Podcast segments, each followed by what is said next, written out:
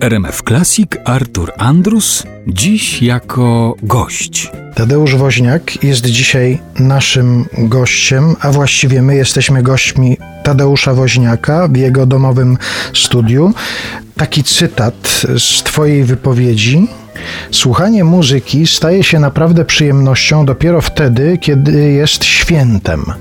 Czy to znaczy, że nie słuchasz muzyki przy okazji, ona ci nie towarzyszy tak po prostu gdzieś sobie brzdąkając, że słuchanie muzyki w Twoim przypadku to jest właśnie coś specjalnego? Tak, to prawda, że nie lubię tak zwanej tapety w życiu. Czyli tej muzyki, y, zresztą takiej trochę wyspecjalizowanej, która od y, lat już króluje wszędzie, na każdym kroku nam. Nie znoszę tego. Lubię słuchać muzyki, a nie y, żeby była zapchać dziurą akustyczną. Nie potrzebuję tego i nie lubię.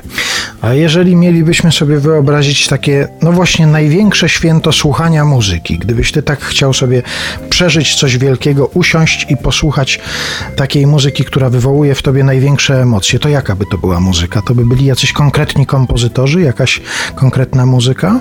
Są takie utwory, które nieodmiennie, nie tylko we mnie zresztą, y, budzą emocje niezwykłe i mocne bardzo. Nigdy nie słyszałem na żywo rekwiem Mozarta i byłoby to zapewne dla mnie duże przeżycie, ale być może jeszcze większym msza Hamol Jana Sebastiana Bacha. Tak naprawdę daje mi przyjemność metafizyczną słuchanie muzyki klasyki ze szczególnym uwzględnieniem baroku. Ale to tak jest od pewnego momentu, do tej muzyki dorastałeś. Na jakiej muzyce się wychowywałeś na przykład? W dużej mierze na klasyce, bo miałem do czynienia o tyle z klasyką, że trafiłem na pewien czas do szkoły baletowej na Moliera, a siłą rzeczy mieliśmy ciągły kontakt właśnie z klasyką i z operą i z baletem, bo nie tylko prowadzano nas na balety, żebyśmy byli zorientowani, jak to jest. Nie tylko do ćwiczeń naszych akompaniamentem była klasyka, czyli zawsze pianista grał jakieś utwory klasyczne, kameralne, ale także angażowano nas do uczestnictwa w różnych przedstawieniach teatralnych, także operowych, także baletowych, czyli po prostu wypełnialiśmy scenę tłumem. Miałem przyjemność przechadzać się parę razy obok Mai Plisieckiej na scenie Romy, gdzie kiedyś była opera w Warszawie.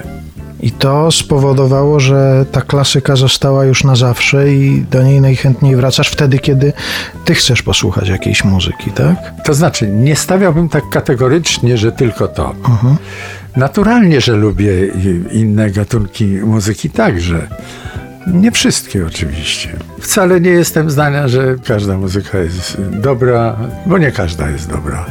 Ale są takie gatunki i tacy wykonawcy, którzy mnie wzruszają i, i lubię tego posłuchać także.